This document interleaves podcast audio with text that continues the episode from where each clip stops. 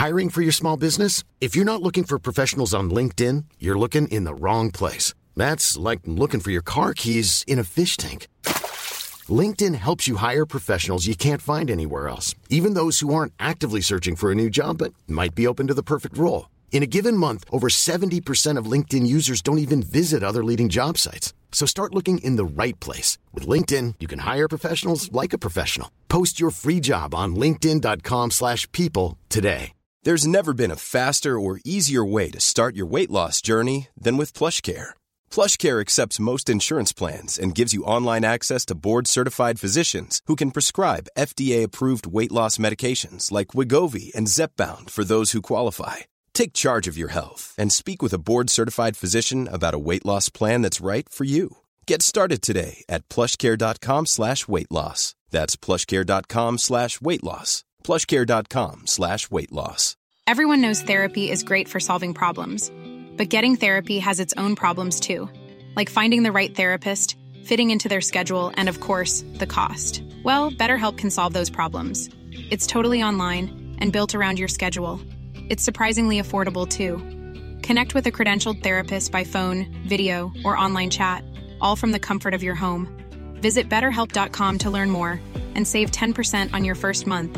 That's BetterHelp H E L P.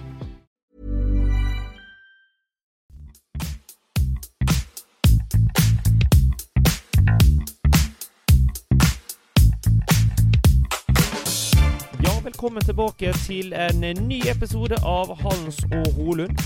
Akkurat nå så er i eh, Slovenia, nærmere bestemt Planica, fordi her er det junior- og U23-VM den kommende uka. Konkurransene de er godt i gang, og eh, det har vært eh, mange gode og spennende konkurranser. Og syns jo personlig så langt høydepunktet for min egen del var da eh, ei jente fra Andorra gikk inn til VM-gull på sprinten her på mandag. Men vi skal ikke prate så mye om konkurransene her i U23-VM. Vi skal heller ikke prate så mye om eh, de kommende verdenscupkonkurransene som er borte i Canada og USA. Og vi skal heller ikke diskutere om Petter Northug burde satse mot VM i Trondheim, selv om det virker som om det er det akkurat kanskje riksmedia er mest opptatt av når det kommer til langrenn, i hvert fall den siste veka. Nei, du, vi skal eh, ha del to på episoden vår som omhandler ernæring. Og I del én så prater vi om fett, vi prater om karbohydrater og vi prater om proteiner. Og jeg og Hans Christer vi ga dere lyttere våre beste tips og triks, og hva vi mener er riktig med tanke på vår praksiserfaring, både som trener og som utøver. Vi har ikke en klinisk ernæringsutdannelse, så det er helt ok at det er folk som er uenig i det vi sier. Men dette er iallfall våre refleksjoner over uh, disse tre viktige ernæringsmessige stoffene som vi alle trenger for å kunne fungere. I dagens episode skal vi prate om det som heter mer ergogene produkter. Ergogene produkter det er da virkemiddel som en kan innta Eh, og ganske akutt få en øka fysisk prestasjonsevne. Og De produktene vi skal eh, snakke om i dag, det er koffein, det er bikarbonat og noe som heter ketoner. Det fins eh, mange andre spennende midler som en sikkert kan eh, innta, som nitrat og slikt, men det kommer ikke vi til å ta opp i dagens episode. Så for de som er litt ekstra nysgjerrig på spesielt disse tre produktene her, så kommer dagens episode til å omhandle dem. Og vi må jo bare beklage at både i forrige episode og dagens episode så er dessverre det slik at spesielt min mikrofon er litt dårlig lyd på. Vi beklager det, og vi lover å rette opp dette, slik at i fremtidige podcast-episoder så er dette på et bedre lydkvalitet. Allikevel håper vi at folk eh, blir med og hører dagens episode, som vi egentlig bare kan si klar, ferdig, gå, så kjører vi på. Ja, uten mat og drikke duger helten ikke. Eh, en saying som er Og vi har prata om eh, de tre eh, grunnsubstansstoffene vi må ha i oss, som inneholder energi. Men eh, så er det en del andre stoff da, som kan være med å forbedre prestasjonsevnen når vi har fått i oss nok av eh, fett, protein og karbohydrater. Og Det er en jungel av uh, ulike produkter som uh, ulike produsenter lover gull og grønne skoger hvis du inntar. Um, vi har tenkt å ta opp de tre som i forskninga ganske entydig har vist kan ha en effekt.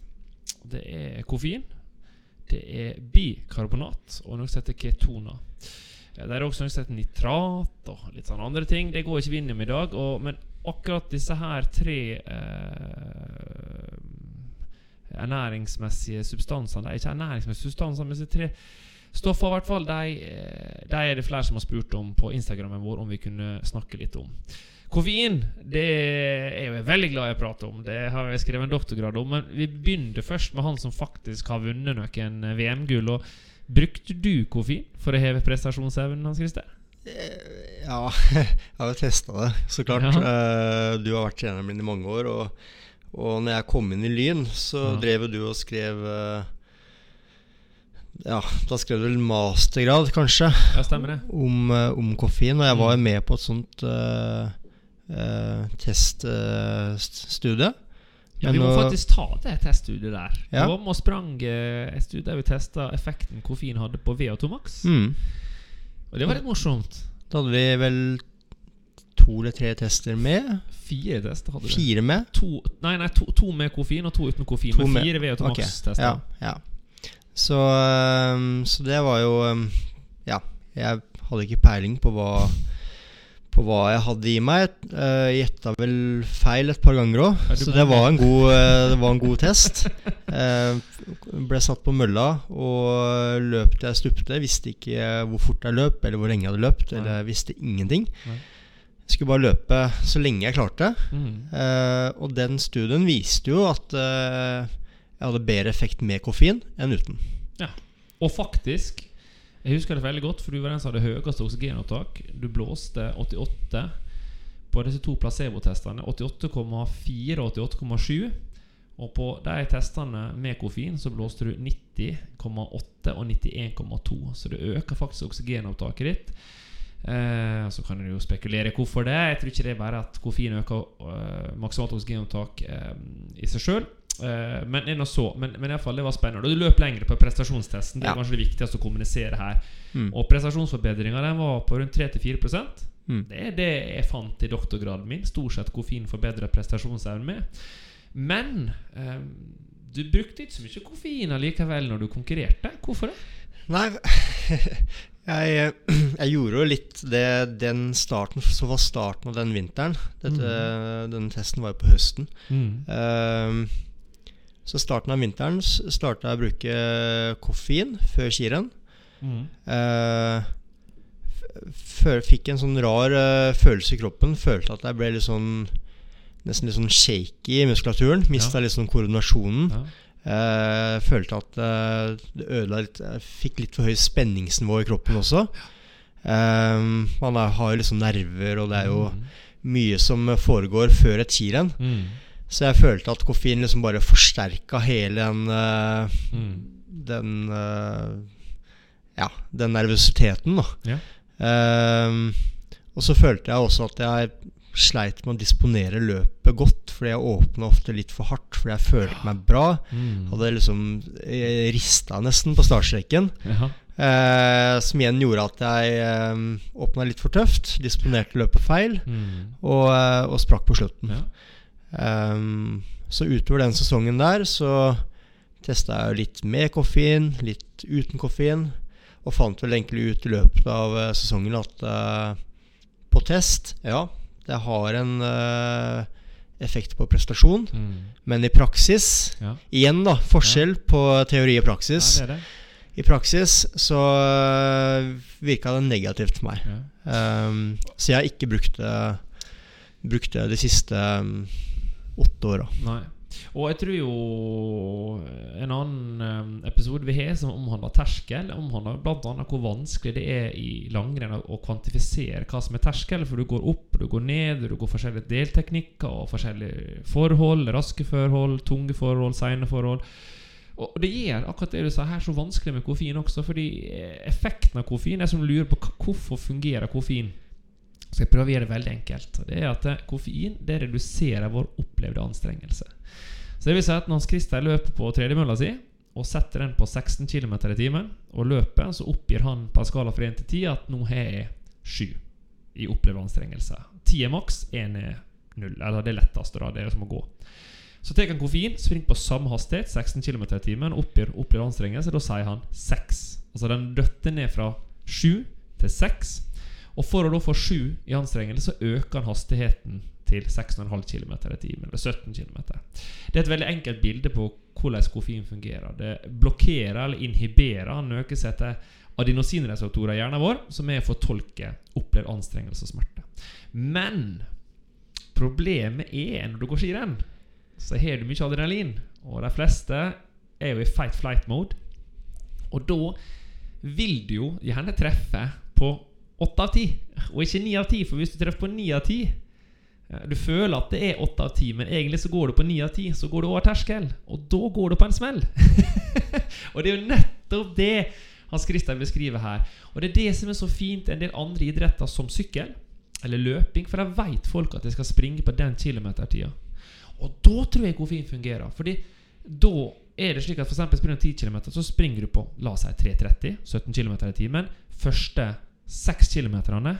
Og de siste 4 kilometerne så springer du da litt fortere med koffein, men du veit at du holder inn. For du veit at du åpner i riktig tempo. Og det her er det som er vanskelig. Så jeg tror på en fellesstart i langrenn så kan det ha en effekt. Men på en individuell start, eller hvis du går Birkebeinerrennet, så vil jeg faktisk fraråde de fleste å ta koffein før start. Jeg tror faktisk de fleste kommer til å åpne for hardt. For min erfaring er at de fleste gjør som Hans Christer. De åpner litt for hardt. Mm. Så uh, koffein er ikke bare positivt. da Og så En annen ting er jo at hvis du åpner hardere, eller du går fortere, så er jo arbeidsbelastninga høyere. Så jeg er jo veldig skeptisk til at folk bruker koffein på trening også. Fordi det er jo en grunn til at vi har opplevd anstrengelse og opplevd Mm. smerte. Og sånt Og det er jo faktisk kroppen sin måte å beskytte oss på. Så hvis du da tar inn koffein, så blir det litt som å ta den langturen uten karbohydrater. At belastninga blir større. Du trenger lengre, lengre restitusjonstid etter økta. Eh, og det øker risikoen for skade. Og det Mm. øker risikoen for sykdom. Så eh, Men hvis du bruker koffein på trening, vil det da ha mindre effekt på renn? Nei, det som er morsomt med koffein, det er jo at eh, det faktisk gir like stor effekt for personer som inntar koffein daglig, som kaffe, da, som vi sitter og drikker her i podkasten nå, som, som de som aldri tar det. Eh, I min doktorgrad så delte vi folk i ulike grupper. Altså de som aldri inntok koffein, de som inntok litt koffein, og de som inntok mye koffein. Mye koffein det var fire kopper kaffe eller mer om dagen. Og det var ingen sammenheng på at At du var i den ene eller andre gruppa, så fikk du større eller mindre effekt. Det var samme effekt. Eh, og effekten var at ca. 80% får en positiv effekt. Og så er det en 10-15% som da får en veldig stor effekt. Det er veldig respondere som burde bruke koffein på konkurranser. Hvis de skal prestere, da. Uh, og så er det da en 10-20% som rett og slett ikke får effekt av koffein. Mm. Nei, det har ingen effekt av å ta koffein. På samme måte som at noen ikke får effekt av å dra til høyden. Mm. Uh, mens veldig mange gjør det, da. Så koffein er nok bra, og vi har ikke snakka om mengdene. Men hva mengde var det du tok? Husker du det? Hvor mye? Eh, 300, tror jeg. 300 milligram, ja. ja. Ja. Og det høres veldig riktig ut, for du skal innta rundt 3-4 milligram per kilo kroppsvekt. Så da tar du det tallet jeg sa nå, 3 og 4, og ganger med kroppsvekta di. Så veier du 80 da, kilo, som jeg cirka gjør, så er det da rundt 300 milligram som uh, Hans Christer har pratet om. Det er jo da tre eller fire bokser med Red Bull. Uh, det, det, kanskje ikke det beste å ta det rett før start, så, så de fleste som benytter seg av koffein, de tar jo sånne koffeinshotter eller koffeinpiller. da Mm. uh, og så er det jo mange som overdriver dette her, da. Um, jeg vet ikke om du har prøvd noe sånn ekstremdose Nei, jeg, jeg følte at mm, 300 var uh, for mye. Hvis jeg skulle fortsatt med det, så hadde jeg kanskje Ja. gått lavere. Men hva, men hva skjer da, hvis du dobler det? Jeg skal innrømme Vi drev med pilottesting på den doktorgraden, og da prøvde jeg å ta 12 milligram per kilo kroppsvekt. Og hvorfor i alle dager tenker folk tok du 12 milligram? For det, det var fordi at uh, vi fant ut at uh, den gamle WADA-dopinggrensa Det tilsvarte at du måtte ha i ca. 12 milligram koffein for at du skulle få den konsentrasjonen i urinen som gjorde at du ville blitt altså, tatt da i Mm. gamle dager, før Mm. 2008. Så derfor tok jeg 12 milligram. Og det var helt jævlig. Ja, det, var, det var faktisk helt forferdelig. Det var, det var Jeg gjorde en prestasjonstest. Jeg, jeg fikk sånn synsforvirrelser. Sånn, sånn liksom Du begynte å, å, å stjerne. Og så spydde jo du. Og du fikk sånn eh, hjertebank og Nei, det var, det var, det var liksom Det kjentes ut som du var daudsjuk. Mm. Det er det jeg ville beskrive det i etterkant. Eh, og var skikkelig dårlig to dager etterpå, faktisk. Sånn eh, ja, Nesten sånn forgiftningsfølelse. Ja. Og, og det, får du for mye koffein, så kan du fysisk bli forgifta og dø. Mm. Eh, så det er jo Koffein i seg sjøl, i naturen, er jo et stoff som finnes i planter for at insekt og, og slikt ikke skal eh, spise opp eh, eh, plantene, da, rett og slett. Mm, mm. Så det er et giftstoff, egentlig. Jeg har merka det at de rennene hvor jeg brukte koffein, så var det veldig ofte at jeg måtte spy i mål. Ja. Og det var noe jeg aldri hadde gjort før. Eh, noe jeg nesten aldri har gjort etterpå. Eh, men når jeg Mm. tok koffein, Mm. så var det var ikke så kvalm når jeg gikk skirennet, men når jeg kom i mål, la meg ned, eller liksom eh, fem minutter etter at jeg kom i mål, så Mm. måtte jeg spy. Ja, og det, det, det, det er en veldig vanlig reaksjon å få. Og det, det er fordi koffein egentlig er gift. Mm. Det er, det er et giftstoff uh, som, som rett og slett inhiberer eller blokkerer disse adenosinreseptorene. Og disse adenosinreseptorene er kjempeviktige i vår fortolking av opplevd anstrengelse. Det er et veldig finjustert mekanisme vi har i hjernen vår, som er der for å beskytte oss. Og beskytte oss fra overbelastning, og for at vi skal pushe oss sjøl for langt. Mm. Så, så det vi driver på med her, er at vi driver på og leker med moder natur da når vi tar disse stoffet her. Og eh, jeg tror jo sånn helt ærlig at det å ta koffein, det er noe du ikke burde gjøre før du skal være med å kjempe om et VM-gull. Eh, og jeg tror også folk som tar store mengder før hver treningsøkt, eh, som går på gymmen eller whatever, det tror jeg er helseskadelig på sikt. Jeg tror, Mm. tror ikke det er bra i det hele tatt. For du driver på å, å manipulere og oppleve anstrengelse. Eh, og så er det noen som sier ja, men jeg har vært en lang dag på jobben, jeg er sliten. Det kvikker opp og gjør at det kommer ut på økt. Bra. Men går han ikke inn Valde den økta da, da? Hvis du i utgangspunktet er sliten, så kanskje du bør ta hensyn til det, da. Og ta det Ja, med noe. eller ta deg en kaffekopp, så Helt riktig. Ja. Ta deg en kaffekopp eller to, Ja. så er det mye bedre. Og kaffe inneholder jo en del andre gode ting, eh, som antioksidanter og litt slike ting. Så eh, kaffe er faktisk eh, veldig positivt vist å redusere risikoen for Alzheimers og Mm. diabetes type 2. Så, men kaffe inneholder også en del andre gode stoffer eh, enn kun eh, koffein. Eh, selv om det har litt fett, som noe mener er negativt, så, så er jo kaffe sånn sett eh, eh, mer enn bare koffein, da, Mm. for å si det rett Mm. ut. Og eh, når vi sitter Jeg drakk jo kaffe eh, før Altså, jeg drakk jo kaffe til frokost, da. eh, Mm. Før skirenn. Så sånn sett så hadde jeg jo litt koffein i kroppen, da. Men eh, Men det er kanskje det å ikke bikke den her Den, den effekten du jakter etter. Det er på en måte Vi ser at du får veldig lite effekt hvis ikke du har mer enn to milligram. mm, Så du må på en måte opp på et visst nivå før du får knocka ut, som vi sier på fagspråket, nok. Og disse adenosinreseptorene til at du på en måte klarer å manipulere da den opplevde anstrengelsen. Så to-tre kaffekopper for de fleste vil ikke være nok. Du må liksom opp på fire-fem. da mm. og da tror jeg det begynner å komme en del andre ubehag. Eh, hvis du tar fem kopper kaffe før du skal ut og gå Mm. skirenn, så tror jeg Ja, ja, ja. det kan være vanskelig. Um, men også den siste ting, og det er jo det her med At det er jo en del yngre lyttere som hører på det, disse episodene våre. Og jeg vil faktisk si det at det, eh, det, det er en skummel vei å gå å begynne å skulle ta generelt ting som er prestasjonsfremmende i ung alder. Eh, Det ene er at du ikke er ferdig utvokst. Eh, Men det andre er nettopp det som jeg sa. Da Tar du koffein, så vil du pushe systemet ditt hardere. Og pusher systemet ditt hardere, så, og det ikke er ferdigutvikla, så kan faktisk det, tror jeg Dette er ikke vist i forskning, men da tror jeg faktisk at det kan indikere da at uh, det er ikke sikkert du får ut ditt fulle potensial når du er voksen, faktisk. Mm. Så Og i doktorgraden vår så var en av teoriene mine det at når du pusher deg sjøl hardere, så bryter du ned mer kroppen. Og det viste vi også. Vi Mm. viste at du fikk høyere verdier enn noe som heter kreatinkinase, som er noe du finner i blodbana uh, ved en aktivitet. Desto mer muskulaturen er brutt ned, desto mer kreatinkinase har du. Uh, folk som har ramdolyse, har jo da 20 000 av den verdien der. Uh, og så fant vi noe som heter troponin T.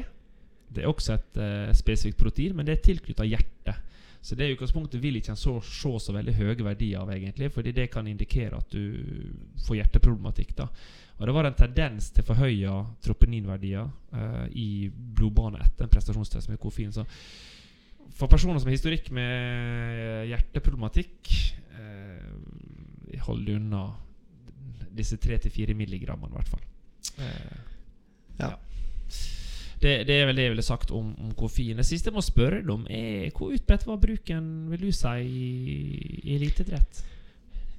Hvis jeg skulle gi ganske, Koffein tror jeg har blitt ganske vanlig. Eh, ikke bare i langrenn, men i all mm. utholdenhetsidrett. Mm. Eh, skulle jeg gjette Har jo selvfølgelig ikke peiling, men skulle jeg gjette sånn hvor mange i uh, World Cup-feltet er det som bruker koffein, mm. så hadde jeg gjetta 70 70, 70 ja, 80 kanskje.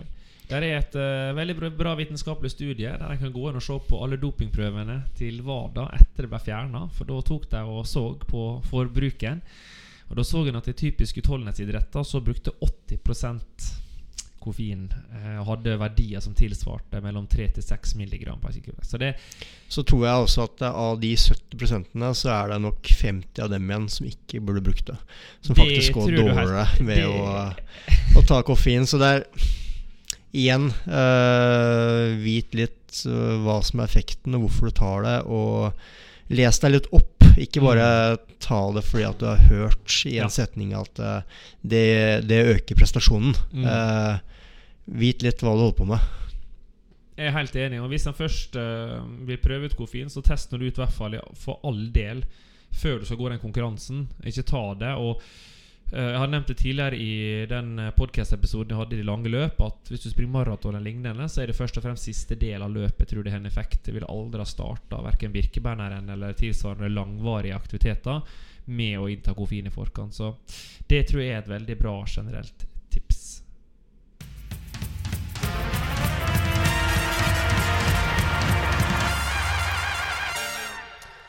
Ja, det er ikke bare koffein som blir tatt av toppidrettsutøvere. Noe som er kjent og kjært, blir brukt mye. Eh, det er noe som heter bikarbonat. For folk flest, hva er bikarbonat? Jo, det er egentlig bare bakepulver. Eh, litt enkelt forklart, i hvert fall. Og har du vært borti det, Hans Christer?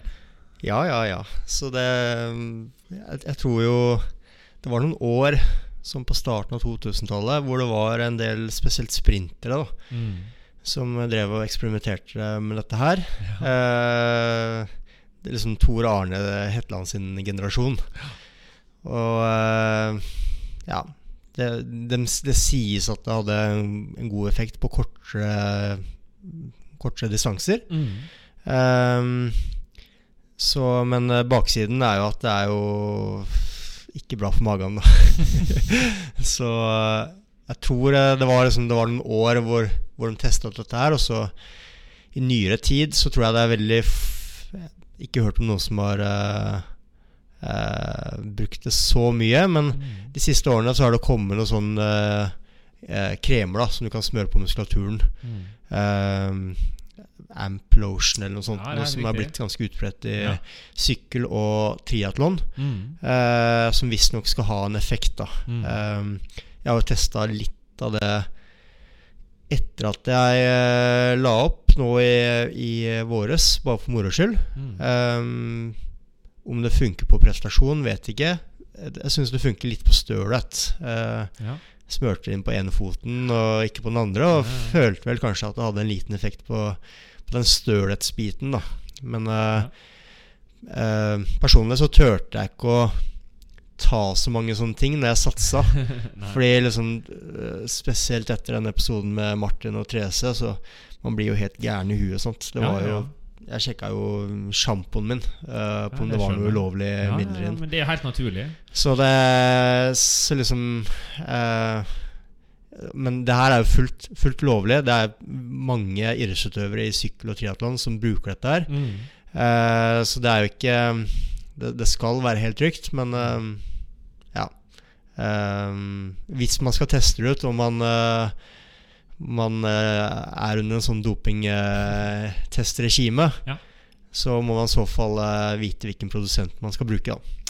Det er uten tvil om, og på de fleste av de som uh, egentlig, Det gjelder jo generelt ja, kosttilskudd, da. Ja, er enig det. Eh, ja. da, da må du Det her er viktig, altså, for alle som eventuelt Om det er sportsdrikk eller proteininntak eller hva det måtte være.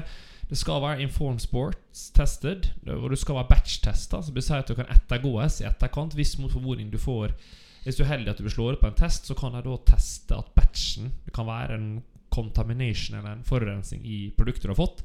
Så det må du sjekke, og det er ditt ansvar som utøver alltid eh, å ha kontroll på. Og for de som lurer på hvorfor i alle dager Hva er bikarbonat, hvorfor skulle det fungere?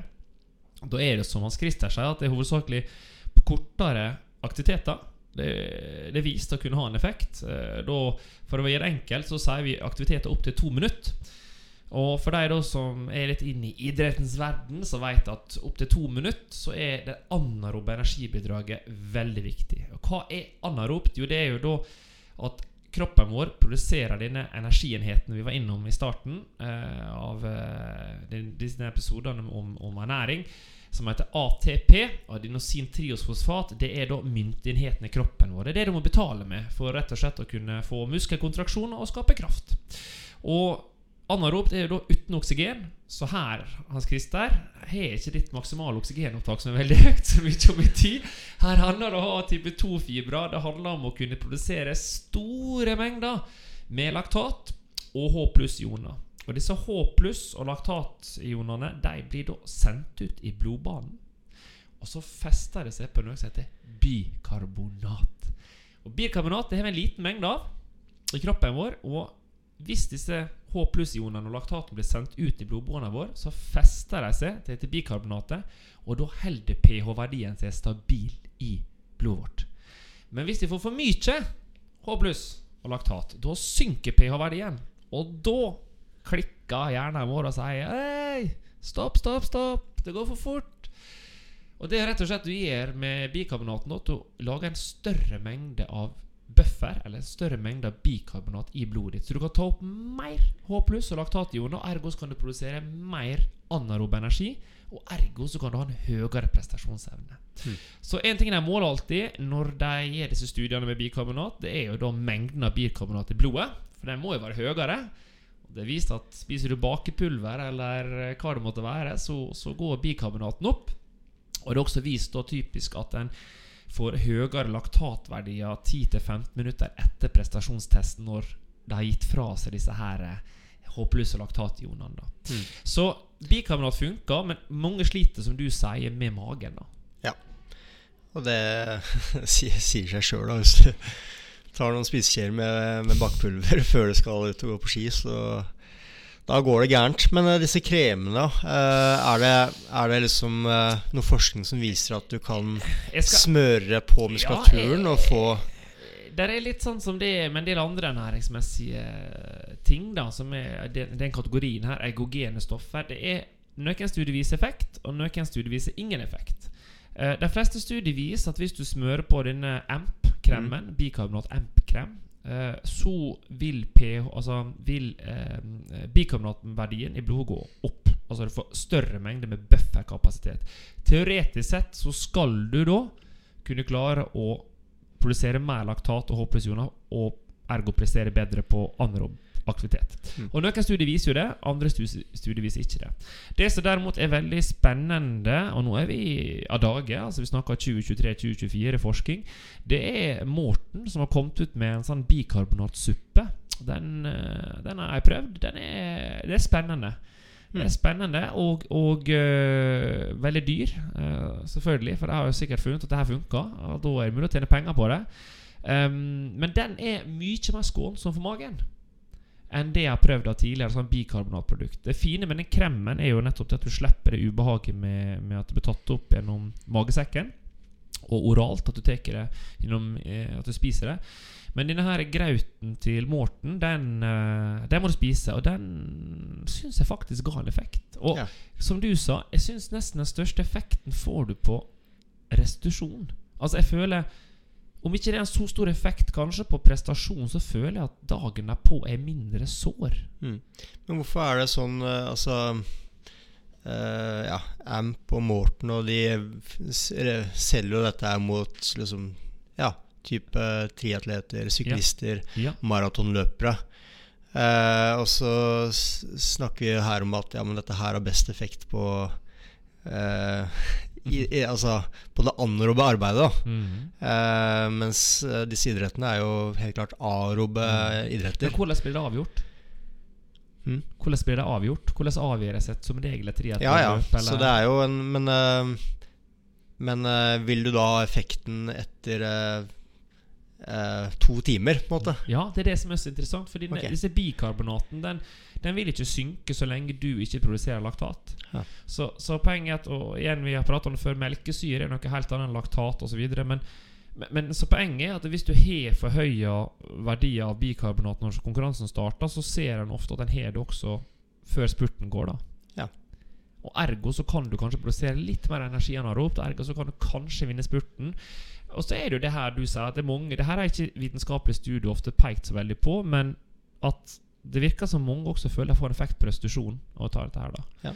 uh, og igjen, tilbake til Det er en av de viktigste tingene til du er i eliteidrett. Det er evnen til å bare trene mest, og tåle å trene mest. Eh, Og da er restitusjon ekstremt viktig. Mm. Så bikarbonat føler jeg faktisk er et veldig spennende område. Men jeg føler det som har vært problemet før, har vært at det- er så stor problematikk med magen. Altså, altså At vinninga går opp i spinninga. For det er klart når du sitter på ja, toalettet, og folk skjønner Ja. hva jeg mener med det, og, og du ikke klarer å få i deg annen næring fordi du rett og slett kjennes ut som du har ja, vært på byen, så, så, så går det utover rett og slett all den andre treninga du skal gjøre, og da er effekten vekke. Men hvis du kan klare å få, få inn dette enten med en krem, som du prater om, eller denne her suppa til Morten, som er skånsom, da tror jeg dette her kommer til å være noe som mange kanskje kommer til å benytte seg av i framtida.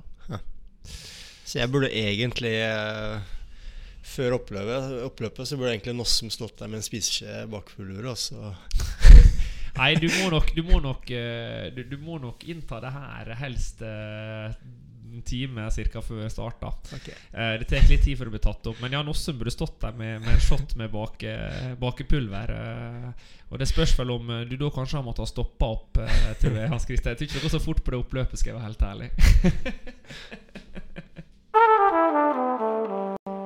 det er ikke bare eh, bakepulver eh, og koffein eh, folk spør om. Folk spør også om ketones, eller ketoner. Folk flest forbinder sikkert det med personer som går på en ketodiett. Hva er en ketodiett? Jo, det er jo da en fettholdig diett som ikke inneholder karbohydrater. Der tanken er at du til slutt kommer over på ren fettforbrenning, og da går du over i ketose. Og da har vi mye ketoner i blodet vårt. Ketoner det er eh, rett og slett en eh, fett eh, Hvordan si? Fett, en, en versjon av fett som raskere kan bli brutt ned av muskulaturen for å skape kroppens energienhet ATP. Altså det vi betaler for i kroppen for å ha muskelkontraksjoner. Og selvfølgelig, der er noen smartinger da som har tenkt på at hmm, er det mulig å innta disse ketonene kanskje gjennom å drikke dem? Eh, og det er selvfølgelig da studier som har undersøkt dette her. Uh, og da har det kommet ketonshotter. Og har du prøvd ketoner når du satt Hans Christer eller Nei. nei Igjen, turte ikke å prøve det. Uh, hadde ikke noe interesse Eller Nei, hadde ikke Nei. noe interesse av å forske ut på akkurat det. Men jeg har jo hørt altså Det er vel kanskje innen, først og fremst innen sykkel da hvor Mm. det har blitt litt brukt. Jeg brukt veldig mye sykkel. eh, og, og grunnen er jo at uh, tanken bak dette her Det er jo at kroppen kan velge I og med at dette fettversjonen, ketoner, er raskere å bryte ned, så eh, ved middels høy intensitet, da vi snakker rundt 80-85% av maks hjertefrekvens, eller rundt terskel, så eh, viser det seg at disse ketonene kan benyttes for å skape energi. Og da kan vi spare karbohydrater. Så teorien er jo rett og slett at da bruker vi ketoner for å lage energi. Vi sparer karbohydratene, som da gjør at vi har mer karbohydrater på slutten av løpet, hvor det er egentlig en time trial, f.eks. i sykkel eller triatron, eh, i hvert fall på Ironman. Eh, Eller hvis du sykler Tour de France, er det ganske gunstig å bruke minst mulig karbohydrater egentlig så lenge som overhodet mulig, slik at du hele tida sykler rittet med høye karbohydratlager. da. Eh, Fordi hvis du begynner å komme ned på tom tank, så vil det gå utover prestasjonen som vi prata om eh, rundt karbohydrater.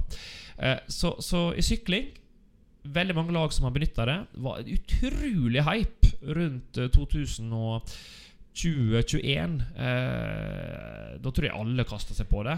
Steindyrt! Vanvittig dyrt. Så da har de tjent gode penger. Sikkert fortsatt veldig mange som benytter dette her, men så er det også mange som har slutta å benytte det. Um, der er studier på ketoner som viser effekt. Spesielt da på prestasjon hvis du sykler f.eks. i tre timer, så skal du ha en time trial etterpå, eller lignende.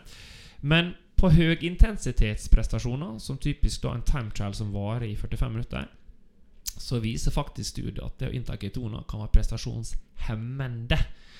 Det er rett og slett fordi at disse ketonene de går inn og forandrer litt eh, Som sagt da muskulaturen, hva, hva type energisubstrater muskulaturen velger å bruke. Og hvis kroppen velger å bruke fett, så håper jeg folk har fått med seg i dagens eh, episode at eh, fett det tar ikke lengre tid å bryte ned karbohydrater, og da vil du også kunne produsere mindre energi, rett og slett. Så um, ketoner er, tror jeg, i langrennssammenheng ville vært veldig skeptisk på å bruke det, i hvert fall på en 10 km. Kanskje på en femmil. Mm. Ja, faktisk. Femmil eh, langløp, så har det vel, kan det vel kanskje ha en Ja, effekt, da. jeg, jeg tror kanskje, kanskje langløp, faktisk. Så i tradisjonell langrenn så er det jo Ja, vi går femmil, men vi går én femmil i løpet av året. Så Ja. det er nesten ikke en uh, distanse lenger i verdenscupen. Eh, så det er liksom Og før man liksom skal teste Før man skal starte å bruke dette her, så bør man ha testa det ut en del, da. Eh, Ja, uten tvil.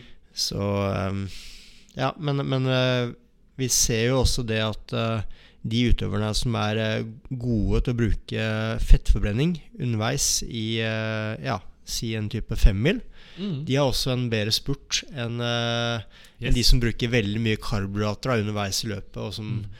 har litt sånn tomme glykogenlagre mot slutten av løpet. Ja. Så Og eh, det, det er spennende du sier det der, fordi uh, det her er litt her er tanken bak hvorfor dette skulle kunne fungere. da Eh, og, og eh, Nå vet jeg ikke om jeg stygner stygg når jeg sier dette, her men jeg var veldig overraska sist år i VM i Planica når Pål slo Johannes. Mm. Jeg var helt sikker på Johannes skulle vinne den femmila men, men Pål tok han. All ære til Pål, men det viser at femmil og det holder på så lenge som over to timer er en annen type konkurranse og stiller andre krav enn det å gå tremil, som dere gjør før. Nå er det 20 km. Ja, du, du, har jo, du har jo utøvere i, eh, i verdenscupen. Kan du sikkert nevne Sjur Røthe uten at han blir fornærma, som er en av verdens raskeste skiløpere etter å ha gått en tremil Ja. eller femmil. Ja. Eh, ja, eh, ikke en spesielt rask skiløper på en sprint eller Mm. på korte renn, men eh, når han har gått langt, så, så er han lynrask. Ja. så det er jo litt sånn noen har disse egenskapene, og noen har det ikke. Og så er det så klart trenbart, da. Eh, men det er jo spennende å se. Ja, Det er veldig spennende å se. Og så tenkte jeg bare når vi var inne på ketona, at det var litt greit å nevne dette her. Fordi eh, hvis folk går inn og googler dette her, kan folk aldri ha hørt om dette her engang. Så er det slik at faktisk eh, Det er noen studier som også har vist at eh, ved å innta ketona, så kan du få økning i EPO-frigjøringa. Så de som ikke vet hva EPO er, så er det da det eh, hormonet som blir skilt ut av beinmargen, som gjør at vi danner røde blodceller. Så det er jo studier som du har sett på effekten av å ta ketoner rett og slett for å få økning i eh, mengde røde blodceller. da men, men der igjen viser at eh, ja, ketoninntak øker EPO-frigjøringa, altså hormonresponsen på frigjøring av EPO, men du får faktisk ikke et høyere hemoglobinmasse. Altså det er jo den mengden Altså Evnen du har til å transportere oksygen, da, blir faktisk ikke bedre sjøl om du tar ketoner. Så det, det jeg viser at det å kun måle EPO, f.eks. hvis du reiser til høydetrening, og så ser du på Ja, alle nesten går opp i EPO med en gang. Altså Vi snakker hundregangeren. Men det betyr ikke at kroppen danner nye røde blodceller. For det er så mange mekanismer i kroppen som regulerer ting. Så det i seg sjøl at EPO-en går opp, betyr ikke nødvendigvis faktisk at kroppen danner nye røde blodceller. da Mm. Så det er sånn uh, De som syns det er litt spennende med disse ketonene, de kan jo da eh, Kan jo da gå inn og, og, og, og google litt, så finner dere mye morsomt og spennende. Ketoner er jo gammelt på en måte. Alt som er vi i dag sier nytt, og sånt, det er jo egentlig gammelt. Det har blitt prøvd det meste før. Men det vi kan nevne, er jo Det var også en periode med en som Bjørn Ferry. Dette her med fettighet var veldig av dage. Og har du trua på det? At en kan liksom Nei, nei, nei. nei. Nei. Eh, akkurat der er jeg ganske klar i mentale på at hvis målet er å prestere på et høyt nivå, Ja. eh, så trenger du, så må du bruke karbohydrater som energikilde. Mm. Eh, glykogenlagrene. Eh, så man, en, kroppen ønsker alltid å bruke eh, Det er egentlig den beste energikilden, da, kan du si. Ja. Og så kan du jo eh, Hvis du skal gå langt, så vil man jo ofte Så er det lønnsomt å, å, å bruke fett da, som energi. Mm. Men eh, det er jo en dårlig energikilde hvis målet er å gå fortest mulig opp Ja. til eh, ja, i så fall innen halvannen time. da Ja, det er helt riktig. Og vi må ta en stor om det her, Hans Christian. Fordi jeg har aldri vært i nærheten av å trene de mengdene du har trent, eller å være i nærheten av prestasjonsnivået ditt. Jeg er en helt alminnelig type. Men en ting jeg har vært veldig flink på, Det er at jeg tester mye på kroppen min. Og jeg har testa bl.a. det å være i ketose. Eh, rett og slett faktisk for å se om det å trene i ketose kunne ha en positiv effekt. Altså at jeg hadde en periode med ketose, altså der jeg gikk på fettforbrenning. Og så etterpå skulle jeg trene med karbohydrater og for da om jeg kunne forbedre prestasjonsevnen. Fordi kroppen har gått på fett, så har de flere det som heter oksidative enzym. Og så da kunne jeg prestere bedre når jeg begynte å fylle på med karbohydrater. Og eh, der er en veldig god eh, Jeg kommer alltid til å glemme det her. Jeg var ute i Nittedal med det. Vi skulle løpe en tur. To timers rolig langtur. Og normalt hvis det var rolig langtur med Hans Christer, som det er sagt, så springer jeg da sånn lav terskel i to. Og Hans Christer han springer da i én. Og jeg var jo da på nest siste dagen av denne her eh, ketoseperioden min, så jeg var veldig spent. da Jeg var jævla dum da, som jeg ikke tok med meg noe næring. Husker du det? Hvor, hvor, Ja, ja, ja. jeg, jeg, jeg var altså, seriøst etter en time jeg var, For det første jeg hadde ikke mer enn 140-50 i puls, som for meg er I2 i lav I3. Men jeg, det var faktisk en periode jeg lurte på hvordan jeg faen skulle klare å komme inn igjen fra den økta der. altså Ja, nei, det var eh, Du holdt følge ca. en time, og vi Ja. løp ikke så fort. Og så, og så eh, sa du at du ville legge deg litt bak, Ja. og det var greit. Og så løp jeg først litt fram og tilbake, og så Og så var det vel en gang jeg starta å løpe tilbake igjen, og så fant jeg det ikke. Eh, og, men når jeg først fant deg, det var jo rett før jeg eh, var på vei til å ringe, ringe luftambulansen. Men uh, når jeg først uh, så du kom gående, så Du gikk nesten baklengs. Så sakte gikk var, det. jeg var, jeg var, jeg var helt på smellen. Altså, jeg Jeg kan ikke forklare engang. Altså, det, det, det er verre enn noe smell jeg har hatt når jeg har gått skirenn eller gått på næringssmell. Altså, det, det Jeg var rett og slett ustødig. Jeg, jeg hadde problemer med å holde balansen. Uh, så, så Og det er rett og slett skikkelig smell. Altså, Men hva fant du ut? Uh... Nei, det, første fant jeg ut at det At Ja, altså Jeg fant ut at det ikke fungerte for prestasjonen, i hvert fall akkurat der og da. Og i etterkant, når jeg fylte på igjen, da Det var jo stoppa på første mulighet, da og det var jo jeg drakk tror jeg, 1,5 liter med cola, og det var to uh, wienerbrød, og, det- som- og da begynte det å komme til igjen, da. Eh, jeg målte blodglukosen min jeg satt med bilen. Den var kommet ned på to og noe. Eh, så det er veldig lavt. Uh, men det verste var jo at det var jo bortkasta. Uh, det tok jo nesten to måneder før jeg var tilbake på det nivået før. Og da har jeg kjørt den her uh, keto-dietten, altså fettdietten, i, Mm. i ca. halvannen måned. Altså en og en halv måned. Um, så det kommer ikke til å gjøre igjen. Uh, så det var litt på sida men altså, i forhold til det med ketoner, så er jo det Det her er jo nettopp litt av prinsippet her er jo at du skal kunne bli dyktigere på å bruke annet da ketoner, eller du får flere oksidative enzymer. Litt av teoriene bak det med fettdietten, men, men Det er jo positivt for én ting, og så er det jo negativt for en Yes. haug med andre ting. Så du må liksom se det store bildet her, da. Det er nettopp Og- det det handler om. Men jeg kommer til å holde på disse her innblant disse øktene hvor jeg kjører langturer uten frokost. For det har jeg veldig trua på. For det, det vet jeg gir en effekt. Ikke hver uke, nei, men, men kanskje annenhver hver tredje uke. På det nivået jeg er, tror jeg er kjempe, kjempeeffekt, faktisk.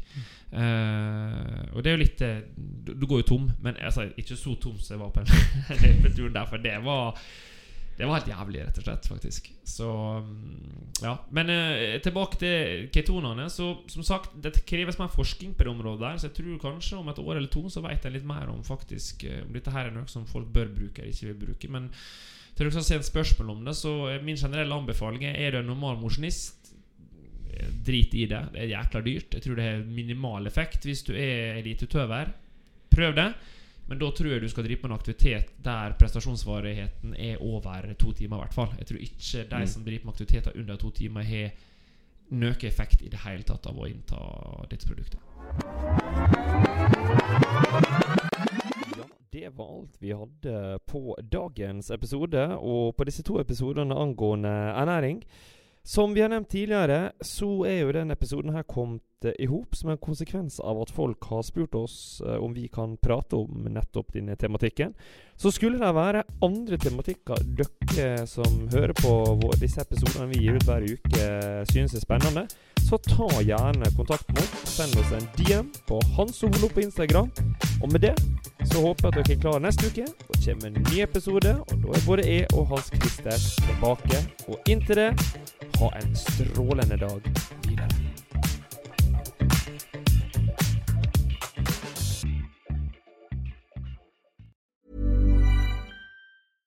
Imagine the softest sheets you've ever felt. Now imagine them getting even softer over time. That's what you'll feel with Bowl and Branch's organic cotton sheets. In a recent customer survey, 96% replied that Bowl and Branch sheets get softer with every wash. Start getting your best night's sleep in these sheets that get softer and softer for years to come. Try their sheets with a 30-night guarantee. Plus, get 15% off your first order at bowlandbranch.com. Code BUTTERY. Exclusions apply. See site for details. Planning for your next trip? Elevate your travel style with Quince. Quince has all the jet setting essentials you'll want for your next getaway, like European linen, premium luggage options, buttery soft Italian leather bags, and so much more. And is all priced at 50 to 80% less than similar brands. Plus, Quince only works with factories that use safe and ethical manufacturing practices. Pack your bags with high-quality essentials you'll be wearing for vacations to come with Quince. Go to quince.com slash pack for free shipping and 365-day returns. Imagine the softest sheets you've ever felt. Now imagine them getting even softer over time. That's what you'll feel with Bowl and Branch's organic cotton sheets. In a recent customer survey, 96% replied that Bowl and Branch sheets get softer with every wash. Start getting your best night's sleep in these sheets that get softer and softer for years to come. Try their sheets with a 30-night guarantee. Plus, get 15% off your first order at bowlandbranch.com. Code BUTTERY. Exclusions apply. See site for details.